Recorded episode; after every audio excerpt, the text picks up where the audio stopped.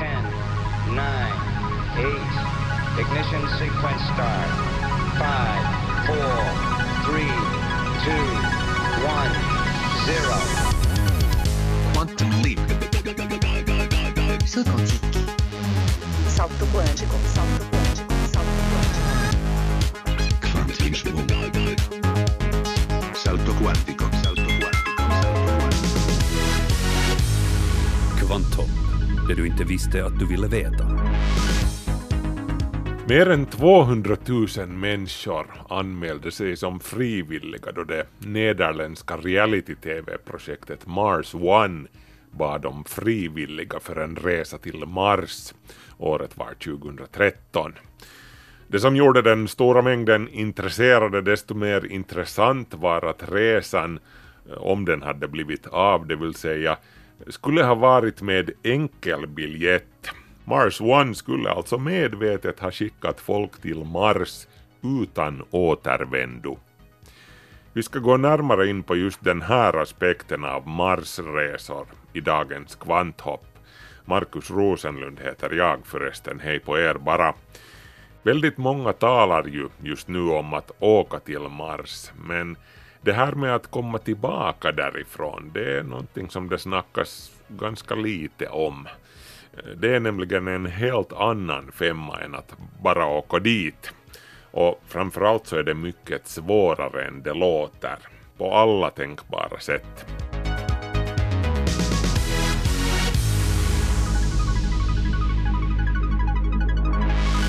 Bland annat det här ska programmet handla om idag. Först i tur står hur som helst notiserna, alldeles strax. Efter Susanne Vega med låten Headshots.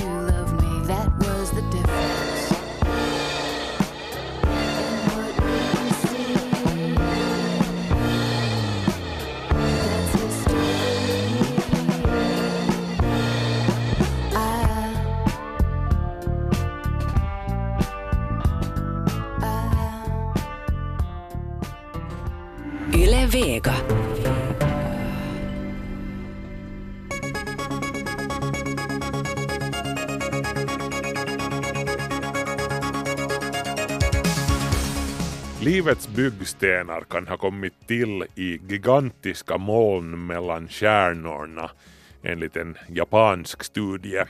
Det handlar alltså om nukleinsyrorna som är grundklossarna för vårt DNA och RNA. Forskarna testade det här i en vakuumkammare vars förhållanden motsvarar miljön inuti de jättelika gasmolnen i rymden. Ett material som simulerade kosmiskt damm besprutades med en gas bestående av vatten, kolmonoxid, ammoniak och metanol. Det hela var nedkylt till minus 263 grader Celsius och bestrålades med ett starkt ljus som solens ljus liksom. När man sedan analyserade det kosmiska dammet såg man att det hade bildats nukleotidbaser av just den sort som krävs för att bilda DNA och RNA. De här byggstenarna skulle sedan enligt den här hypotesen med tiden ha kommit till jorden med nedfallande asteroider. Du kan läsa mer om det här i Nature Communications. Kvantteknologi är tidens melodi, vilket syns tydligt på investerarnas intresse för allt med ordet kvant i sig. Kvantdatorer, kvantkryptering och liknande drog till sig inte mindre än 450 miljoner dollar av privata investeringar under åren 2017 till 2018. Det här är en fyrdubbling av motsvarande investeringar under åren 2015 till 2016. Den största enskilda potten, 177 miljoner dollar, gick till kanadensiska kvantdatortillverkaren D-Wave. Kvantboomen tycks vara ett faktum trots att teknologin i fråga ännu är väldigt mycket i startgroparna och på ritbordet. Vissa analytiker oroar sig nu för att vi kan ha att göra med en bubbla som lätt spricker om inte investerarna rätt så snart börjar få se konkreta och betydande resultat. Hittills har det varit lite magert på den fronten. Microsoft återupplivar sin fina gamla flygsimulator, alltså Flight Simulator, som ursprungligen såg dagens ljus 1982. Den senaste versionen är från 2006 men nu är nördarnas väntan snart förbi. 2020 släpps den nya Flight Simulator. Spelet utnyttjar terrängdata från Microsofts Bing Maps satellitbilder och 3D-data. Flight Simulator innehåller hårresande 2 petabyte terrängdata. Det motsvarar 100 stycken Blu-ray-skivor på 100 gigabyte var. Det här betyder att spelaren kan välja mellan två miljoner olika städer på jorden att flyga över och hela 40 000 flygplatser att landa på. Väldigt sannolikt också i Finland. För att göra det här så behöver man dock inte ladda ner två petabyte data till sin egen dator utan spelet streamas huvudsakligen till din dator eller till din Xbox-konsol. Vår hemgalax Vintergatans granne, Andromeda-galaxen, tycks ha ett förflutet som kannibal.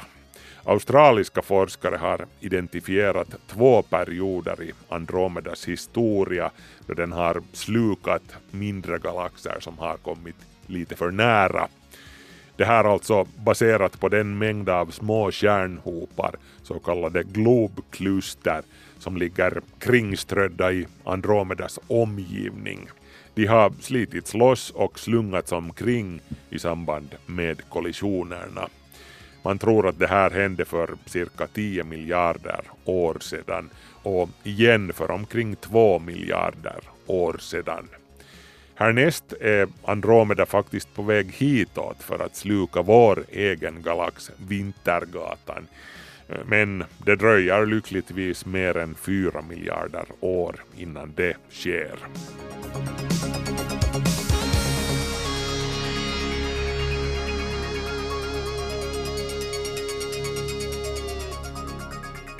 Forskare lyfter nu fram att bioenergi från våra skogar inte nödvändigtvis alls är så klimatsmart som många har trott. Det handlar förstås om kolsänkor och koldioxidutsläpp och vad man egentligen borde ersätta till exempel oljan och stenkolet med, som ju trots allt inte är förnybara som träden som växer efterhand och suger upp koldioxid. Forskarna säger ändå att vi borde se upp med att förbruka för mycket av skogens resurser, för då är det inte längre hållbart eller klimatsmart. Klimatfrågor är ofta knepiga för det som man tror att är rätt och riktigt kan ibland visa sig vara helt tvärtom. Eller åtminstone inte riktigt så som man tänkt sig. Det här gäller till exempel biobränslen som ju är förnybara och har ansetts vara en av lösningarna på just klimatfrågan. FNs klimatmål innebär att vi ska dra ner på våra koldioxidutsläpp med nästan hälften på bara drygt tio år. Och här i Finland har vi satt vår tilltro till bland annat skogen. Men att bränna trä har sina sidor. Och nu varnar forskare för att vi förlitar oss allt för mycket på just skogens resurser. I en internationell rapport säger den finska forskaren professor Atte Korhola att biobränslen genererar till och med mer utsläpp än fossila bränslen. Växande skog binder ju kol och därför spelar skogen en viktig roll när det gäller att motverka klimatförändringen. Å andra sidan, säger Korhola, så växer skogen alldeles för långsamt för att den skulle kunna kompensera för en ökad bioenergianvändning. Kun se kaikki perustuu siihen, että sit kasvaa metsä sitoo sen takaisin, mutta ei se ehdi näissä aikajänteissä, missä me nyt puhutaan niin muutamasta parista vuosikymmenestä, niin millään kartuttamaan takaisin sitä hiiltä. Det räcker årtionden innan skogens tillväxt lyckas binda den förlorade kolen igen, påminner han. På många håll i Finland ser man ändå potential i skogen och möjlighet att ytterligare utnyttja skogens resurser. Till exempel på det lokala energibolaget Ekenäs Energi anser VD Frank Hoverfeldt att bioenergin är en framtidens produkt som dessutom är klimatsmart på många sätt. Absolut så ska man göra det, att man ska ersätta fossila bränslen med bioenergi så långt det går. Det är helt klart det är miljö och klimatsynpunkt vettigt att göra det. Men på lång sikt så är ju ändå energieffektiviteten eh, det bästa verktyget. Men räcker vår skog till till ett, ett större uttag av bioenergi ur våra skogar? Det är klart att, att kommer gränsen emot där också, att inte kan man ta hur mycket som helst ur skogen. Att inte kan man tänka sig att 100 procent av vår energiförsörjning skulle grunda sig på, på, på bioenergi. Det, det fungerar nog inte. Men, men nu tror jag att, det, att man kan öka, öka den finländska eh, bioenergins andel fortfarande lite. Men det är klart att vi, vi behöver också, vi behöver också solenergi, vi behöver vindkraft och vi behöver energieffektivitet. Men vad tänker då professor Korhola att är den bästa energiformen? Tuuli, aurinko ja ydinvoima. Ja, alltså vindkraft, solkraft och faktiskt också kärnkraft. Och det motiverar han med att teknologin gått så långt framåt att det idag inte finns tillräckligt goda argument att motsätta sig kärnkraft. Yle Vega. Det var Maria Waström som var reporter i det inslaget. Att åka till Mars är bara utmaning nummer ett. Nummer två att ta sig hem därifrån är till och med ännu svårare. Om det här ska det handla alldeles strax. Efter Vienna Teng med låten Close to Home.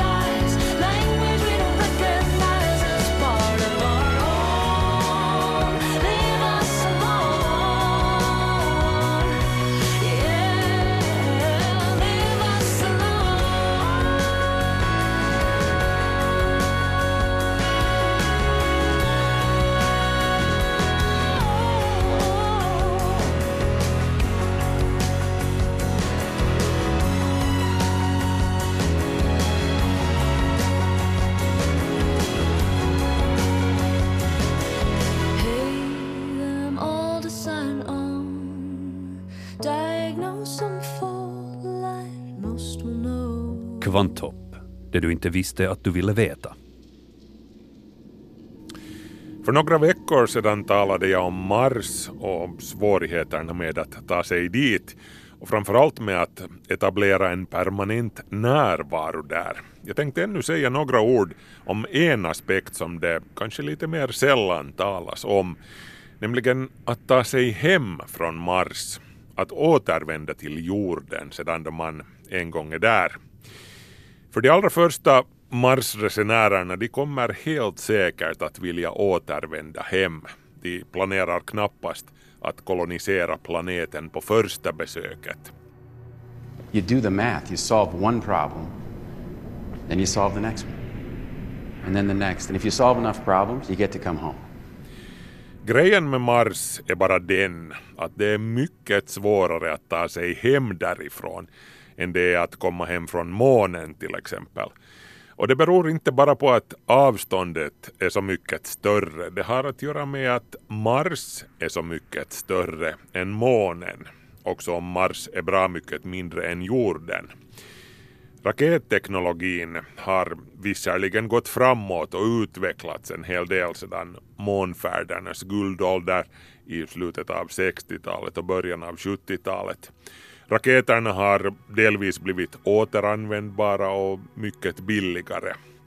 Men om vi sedan talar om ingenjörer, forskare eller affärsmän så är de alla fortfarande bundna av samma fysikens lagar som Apollo-astronauterna var. Tyngdkraften, rörelselagarna och aerodynamiken, allt det där. Och då kommer vi alltså till det här med att lämna Mars. Vill du göra det så måste du allra först övervinna gravitationen, precis som du gjorde när du reste från jorden. Och det kräver bränsle.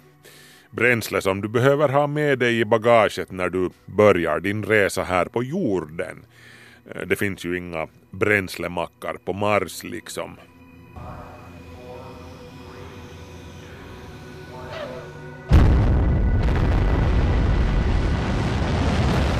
För att kunna återvända till jorden från månen krävs det att du har med dig 632 kilogram av raket, bränsletank och bränsle för varje kilo som du behöver lyfta från månen, inklusive dig själv.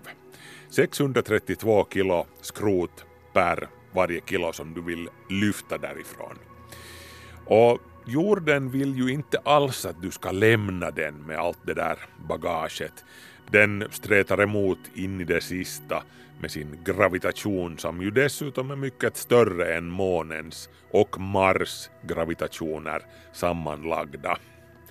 Av den här orsaken var det nödvändigt att till exempel Saturn V-raketen som användes för månresorna vägde hela 2,8 miljoner kilo vilket motsvarar ungefär 400 elefanter. Då stod bränslet för den allra största delen av den vikten. Då en Saturn V-raket lyfte från startplattan brände den 220 ton bränsle varje sekund. Det var den tvungen att göra om den ville uppnå hastigheten som gör det möjligt att fly från jordens gravitation drygt 11 kilometer per sekund. July 1969. Apollo 11 is go for launch. T minus 25 seconds and counting. We are go. Att lyfta från Mars kommer att kräva mycket mera bagage än vad månresenärerna hade med sig. Och framförallt då i form av bränsle. För att du ska kunna resa hem från den röda planeten så behöver du mer än tio gånger mera bränsle och diverse hårdvara än i exemplet med månen. Det vill säga mer än 6 ton bränsle för vart enda ett kilogram som du vill komma tillbaka med från Mars.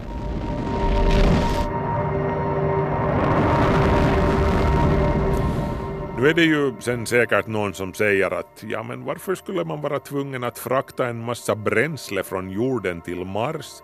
Kan man inte utvinna det bränslet på plats och ställe när man en gång är där? Ja, det har förekommit planer på just det här faktiskt. Tanken är att man inte bara skulle utvinna bränslet på Mars utan rent av bygga raketen som krävs för att ta sig hem där på Mars med mineraler och råvaror som man hittar där borta, för det finns ju av dem där.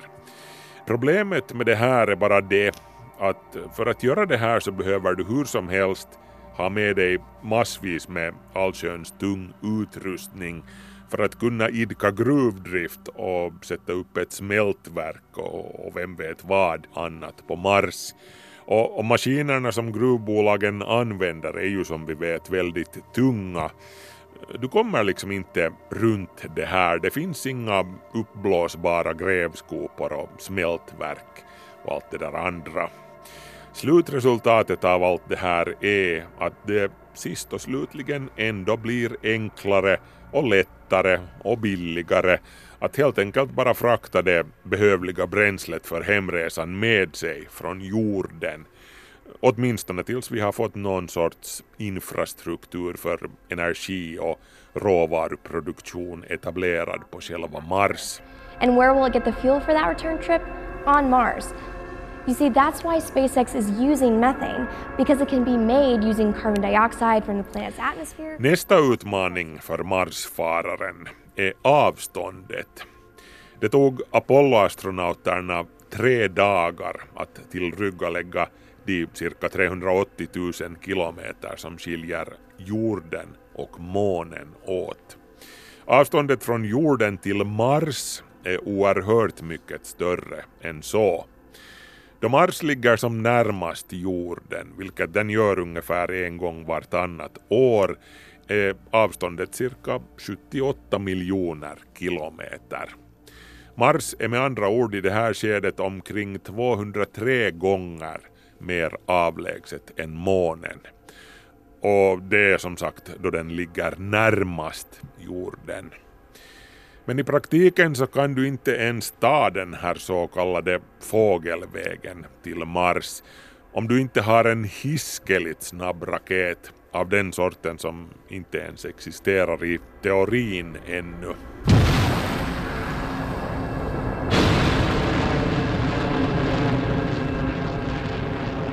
Du kommer att vara tvungen att använda dig av någonting som kallas en Håmanbana eller Håmans övergångsbana. Det handlar om en manöver inom rymdfart som används för att förflytta en rymdfarkost eller en rymdsond mellan två omloppsbanor på ett så effektivt sätt som möjligt. Det är lite komplicerat men låt oss bara säga som så att du hur som helst inte flyger raka vägen till Mars. I praktiken är den kortaste möjliga Håmanbanan från jorden till Mars 593 miljoner kilometer lång eller 1543 gånger längre än resan från jorden till månen. Med dagens snabbaste rymdfarkoster skulle en sån här resa ta mellan 6 och 8 månader ungefär. Lite längre än astronauterna brukar vistas på den internationella rymdstationen. Räknar du in både tur och returresan så tillbringar du med andra ord inalles minst ett år i rymden, sannolikt längre. Och det här betyder bland annat att du utsätter dig för hiskeliga mängder kosmisk strålning, vilket leder till en förhöjd cancerrisk. Det här med att skydda sig mot kosmisk strålning är en av de där svåra nötterna som behöver knäckas innan vi på allvar kan börja planera att resa till Mars och tillbaka. Det går säkert att lösa problemet, men att skydda resenärerna från kosmisk strålning gör hur som helst rymdfarkosten tyngre, vilket igen betyder att du behöver använda mer bränsle, både för att ta dig upp från jorden och från Mars sen när det är dags för hemresa. If you are in deep space, eh, you don't have the protection of the Mars atmosphere, you don't have the protection of the planet itself. Sedan har vi det inte helt obetydliga problemet med förnödenheterna, provianten. Besättningen ombord på Marsskeppet behöver äta och dricka någonting. Inte bara på vägen ut till Mars och under själva vistelsen där, utan också under hemresan naturligtvis. Och så länge vi inte har växthus på Mars med en stabil produktion av livsmedel vilket vi garanterat inte har under den första resan dit ut, så måste vi packa en rejäl matsäck innan vi åker iväg. Det här betyder mat och dryck för minst ett år och ett par månader. Och så mycket proviant väger en hel del, om vi säger så. Och som vi minns så ska all den vikten lyftas upp först från jorden och sedan upp från Mars när det är dags för hemresan. Eh, minus det som du åt upp på vägen dit ut förstås. För att spara maximalt med vikt så betyder det här att man kanske inte ska vänta sig att få oxfilé och chicken Kiev värst ofta. För att inte tala om färskt, ja no, färskt vad som helst faktiskt. Det blir sannolikt frystorkat i långa, långa banor. Oh, fuck you Mars. Det sista ljudklippet som ni hörde där var en snutt från den fina filmen The Martian med Matt Damon i huvudrollen. Damon spelar en astronaut som blir strandsatt på Mars och gör sitt bästa för att överleva där sedan. Men vi ska fortsätta på temat hem från Mars om en stund. Då ska det bland annat handla om de nya raketer som vi kommer att behöva för att göra det.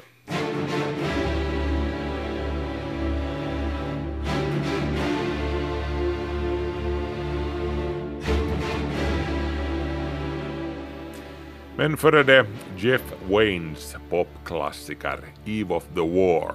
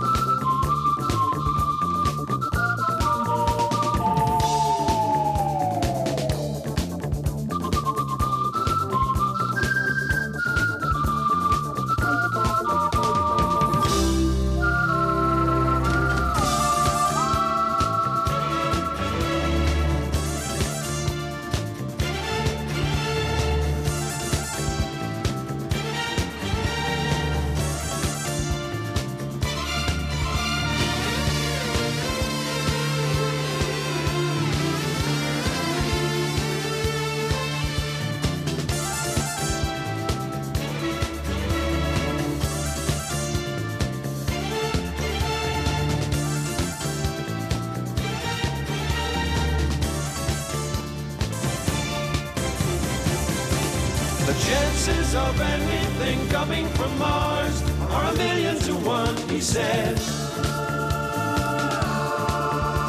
The chances of anything coming from Mars are a million to one, but still they come. Yes, the chances of anything coming from Mars are a million to one, he said.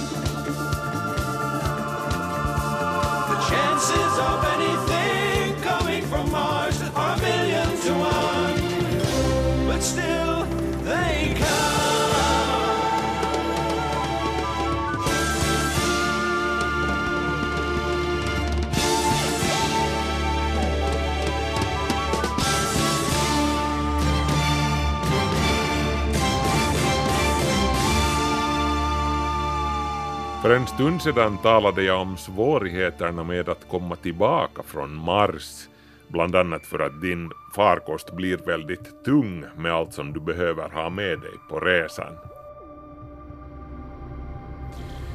Du kan såklart spara in en hel del vikt om du har en raket som tar dig dit betydligt snabbare än de 6 till 8 månader som är praktiskt möjligt med dagens teknik.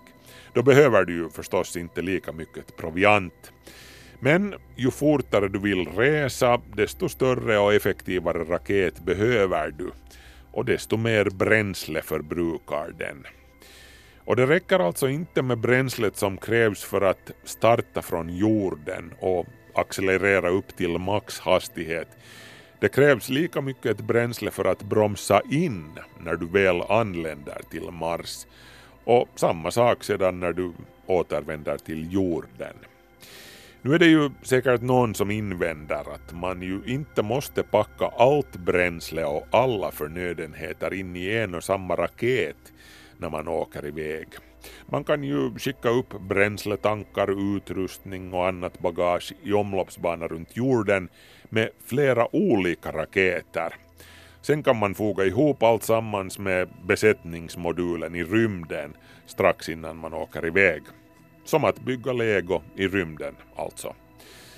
Samma sorts manöver skulle sedan äga rum i omloppsbana runt Mars där man skulle lämna kvar bränslet för hemresan i omloppsbana i väntan på att besättningen återvänder från planetens yta med den lätta Marslandaren. Och sedan pusslas paketet ihop igen inför hemresan.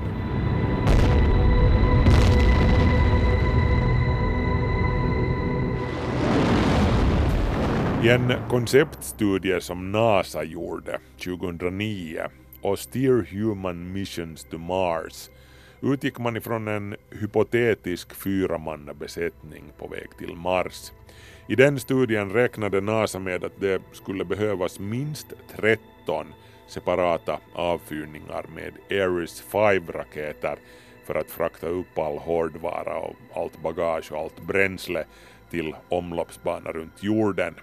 Prylar som alltså sen skulle sammanfogas till en farkost inför den slutliga färden mot Mars. Ares 5 var alltså en planerad rakettyp som hörde till Constellation-programmet som var tänkt att ta över efter att rymdfärjan lades i malpåse 2011. Men varken Ares 5 eller någon annan bit av Constellation hårdvara lyfte någonsin från marken. Programmet lades ned 2010. Ares 5 skulle, om den hade blivit verklighet, ha blivit större och kraftigare än den gamla Saturn 5 som alltså fortfarande sitter på tronen som den mäktigaste bärraket som någonsin har konstruerats. Ares 5 hade en planerad maximal nyttolast på 130 ton till låg omloppsbana runt jorden och 65 ton till månen. Vår tids kraftigaste bärraket som faktiskt existerar och flyger dessutom är Falcon Heavy som tillhör det privata rymdföretaget SpaceX. Falcon Heavy lyfter knappt 65 ton till låg omloppsbana runt jorden. Hälften av Ares 5 med andra ord. Eh, vilket innebär att det skulle krävas 26 avfyrningar med en Falcon Heavy för att frakta upp all hårdvara och allt bagage och allt bränsle till omloppsbana innan den slutliga färden till Mars. Och det här är ju fullkomligt orealistiskt, det inser vem som helst. Falcon Heavy is configured for flight. T-minus 15, stand by for terminal count. SpaceX Falcon Heavy, go for launch. Hur som helst, det är större och tyngre bärraketer på kommande inom den inte alltför avlägsna framtiden, inklusive nämnda SpaceX nästa bjässe BFR, eller Starship som den heter numera. Och så har ju NASA sitt SLS, eller Space Launch System, på kommande också. Men dels så existerar de här raketerna bara på ritbordet eller som prototyper på sin höjd ännu. Och dessutom så är ingen av dem värst mycket hävare än vare sig gamla Saturn 5 från Apollo-tiden eller den nedlagda Ares 5. Den tyngsta versionen av NASAs SLS ska klara 130 ton till låg omloppsbana, så vi snackar Ares 5-klassens kapacitet här ungefär. Men som sagt, om och när SLS flyger är det ännu ingen som vet i det här skedet. The first version of SLS is expected to launch next year as an unmanned mission to test the Orion. Så det här betyder ju allt som allt att vi har ett problem om vi ska inte bara ta oss till Mars utan framförallt hem därifrån. Men lyckligtvis så finns det andra tänkbara sätt att ge en rymdfarkost den behövliga knuffen i ryggen för att den ska kunna ta sig till Mars eller till andra destinationer i solsystemet och tillbaka därifrån. Eh, man kan åtminstone i teorin göra själva grovjobbet här nere på jorden, till exempel i form av en kraftig laser. Vi snackar i princip om en sorts segelfarkost här faktiskt. Man kan ju nämligen segla i rymden också, med ljus, lika väl som man kan segla med vinden här på jorden. Fotoner från en stark ljuskälla utövar ett framåtdrivande tryck på en segelduk i rymden enligt precis samma princip som vinden drar och skeppet far här på jorden med hjälp av segel. Även om rymdsegel då snarare består av någon sorts reflekterande folie än av egyptisk bomull. Varför inte en folie av guld? Mirabeau imagined spacecraft propelled by powerful laser beams. Man kan ju faktiskt segla med själva solvinden också, men det är en annan story som vi kan återkomma till. I det här exemplet som jag nämnde här tidigare skulle man alltså fylla seglen med ett kraftigt laserljus som avfyras från massiva laserkanoner på jorden eller på månen. Det här skulle göra det möjligt att spara in en massa vikt i själva rymdfarkosten när man inte längre behöver släpa en sådan hiskelig massa bränsle med sig.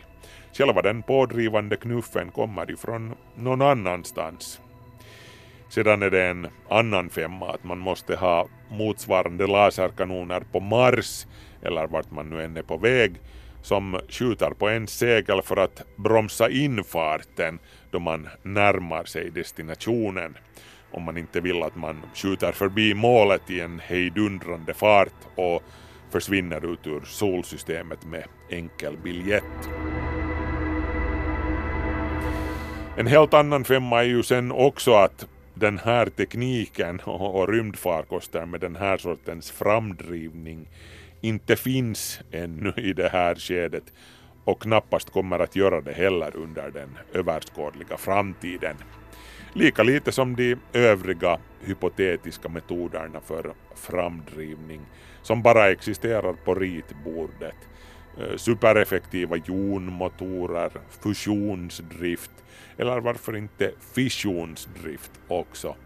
Eller antimateriadrift där man skapar framdrivande kraft genom att låta materia reagera med antimateria. Science fiction-författarna älskar den här grejen. Men i praktiken så får vi nog ännu ett bra tag lov att nöja oss med raketer av samma gamla sort som redan den gamle Konstantin Tsiolkovski tänkte sig för länge sedan och som Werner von Braun byggde.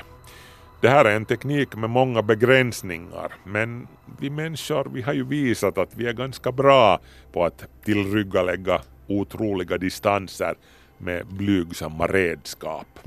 Kan man ro över Stilla havet så kan man nog flyga till Mars med en gammal hederlig raket också. Det är bara ganska mycket svårare. Men den som säger att det inte går att göra ska som vi vet inte stå i vägen för den som gör det. Now you can either accept that or you can get to work. This will come as quite a shock to my crewmates and to NASA and to the entire world. But I'm still alive.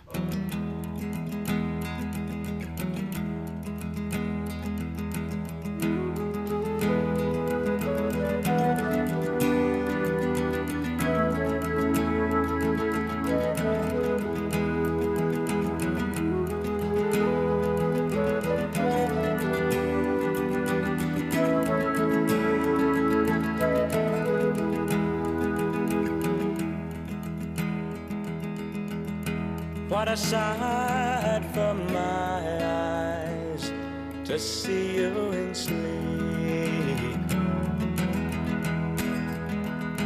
Could it stop the sunrise? Hearing you weep. You're not seen, you're not heard, but I stand a thousand miles just to catch you while you're smiling.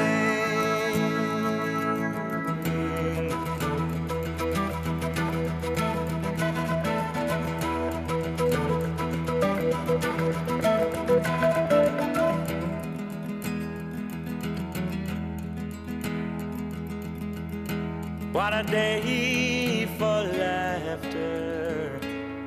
walking at night. Me following after your hand holding tight. And the memory stays clear with a song that you hear. If I can but make the words awake, the feeling.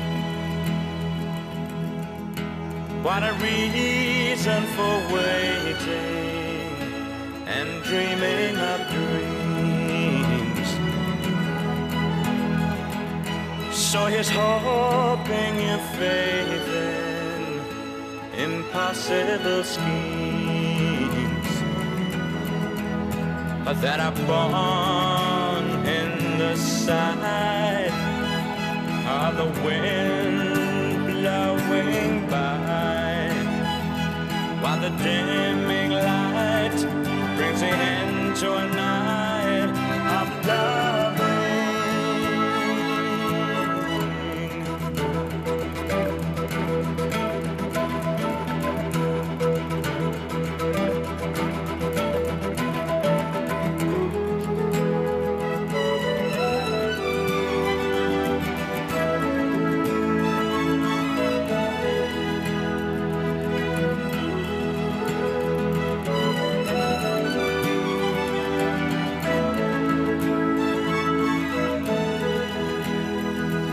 Det var Jethro Tull med låten Reasons for Waiting remixad av Steven Wilson. Nätfiske eller phishing, där personer luras att skriva in sitt användarnamn och lösenord, har varit ett stort problem i Finland under det senaste året, enligt Cybersäkerhetscentret och Finlands näringsliv, EK. Till exempel Esbo stad och Finnair har drabbats, det visar en granskning som svenska YLE har gjort. De båda organisationerna var också för långsamma med att varna personer vars personuppgifter kan ha läckt ut. Vår reporter Niklas Fagerström berättar mer. Anställda på Esbo stad fick i slutet av mars månad ett e-postmeddelande som lurade några av dem att klicka på en länk och skriva in sitt användarnamn och lösenord på en webbsida. Elva personer gjorde det här i tron att de loggade in på molntjänsten Microsoft Office 365 som de använder dagligen i sitt jobb.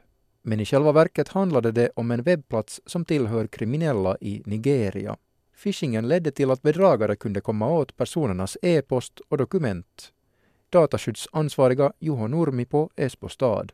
Tämä oli erittäin, erittäin valitettava tapaus. Näin ei saisi käydä. Det är mycket beklagligt. Så här borde det inte få gå till, säger han. Esbo stad är inte ensam om att råka ut för phishing. Cybersäkerhetscentret varnade redan för ett drygt år sedan om sådana här fall och risken har inte minskat sedan dess. Specialsakkunniga Markus Lintula. Vi får dagligen meddelanden om, sådana phishing-sidor och också då lyckade fall var då företag har blivit offer för, för sådana här phishing-kampanjer och sen som värst så har vi skickat från den där företaget sen vidare en massa mera phishing-meddelanden till, till andra, andra företag. Och Finlands näringsliv EK kallar för sin del sådana här attacker för ett växande problem. Framförallt Office 365 och användarkonton drabbas eftersom de är de vanligaste företagskontona i Finland. Oftast vill inkräktare få tag på räkningar så att de sen kan skriva ut trovärdiga bluffräkningar där de styr betalningarna till sina egna konton. Det finns också en risk med att personuppgifter kan läcka ut.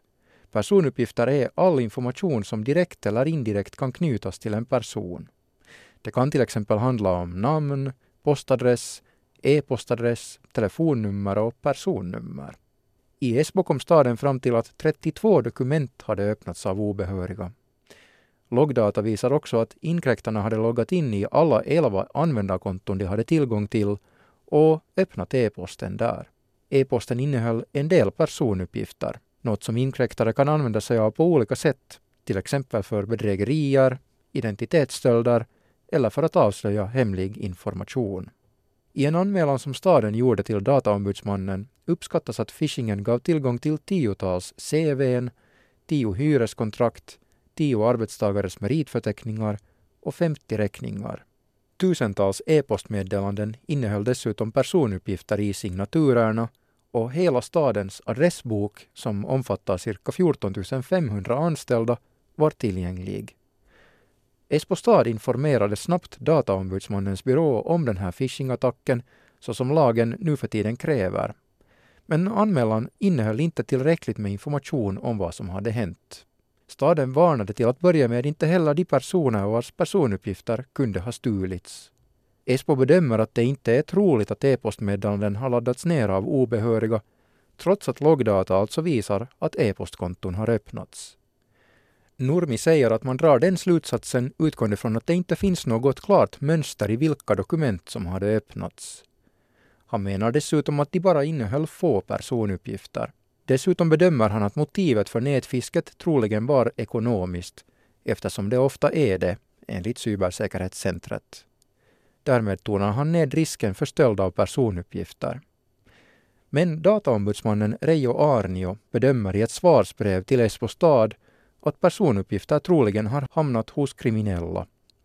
Han påpekar att det i Office 365 är lätt att ladda ned alla data när man har loggat in, till exempel alla e-postmeddelanden. Dessutom säger Arnio att det är mycket lätt att få en kopia av hela adressboken och de telefonnummer som finns i den. Vissa anställda verkar till exempel inom socialtjänsten eller barnskyddet och har jobbnummer som inte är offentliga. Arnio bedömer också att stulna personuppgifter som hamnar i kriminella händer troligen förr eller senare läggs till försäljning på internet. Efter dataombudsmannens svar skickade Esbo stad en varning till nio personer vars personuppgifter kan ha läckt. Det bekräftar Juho Nurmi på Esbo stad. Eh, se oli yhteensä yhdeksälle kappaleelle. Ja myöskin sit kaupunki tarjosi tämmöistä niin kuin, luotto, luottokieltoa. Staden ringde också upp de nio personerna och erbjöd dem kreditspärr, berättar han. Esbo bedömer alltså att risken var särskilt stor i de fallen, men inte i de andra fallen som dataombudsmannen också var oroad över. En aktör som kan ha läckt personuppgifter till obehöriga behöver enligt lagen bara informera de personer för vilka det råder en hög risk att drabbas. I Esbo stads fall gick det tre månader efter phishingen tills man varnade personer som kunde ha drabbats. Enligt lagen borde varningen ha skett utan dröjsmål. Teimme erilaisen arvion ja sitten kun saatiin tämä, tämä tota, määräys tietosuojavaltuutetun toimistolta, niin tietenkin reagoimme, reagoimme välittömästi. Vi gjorde en annorlunda riskbedömning och när vi fick dataombudsmannens beslut så reagerade vi förstås genast, säger Nurmi. Espo påpekar också att man nu är medveten om att bevisbördan ligger på staden. Det gäller att vattentätt kunna visa vilka uppgifter som har äventyrats. Det kunde man inte göra i samband med den nu aktuella phishingen.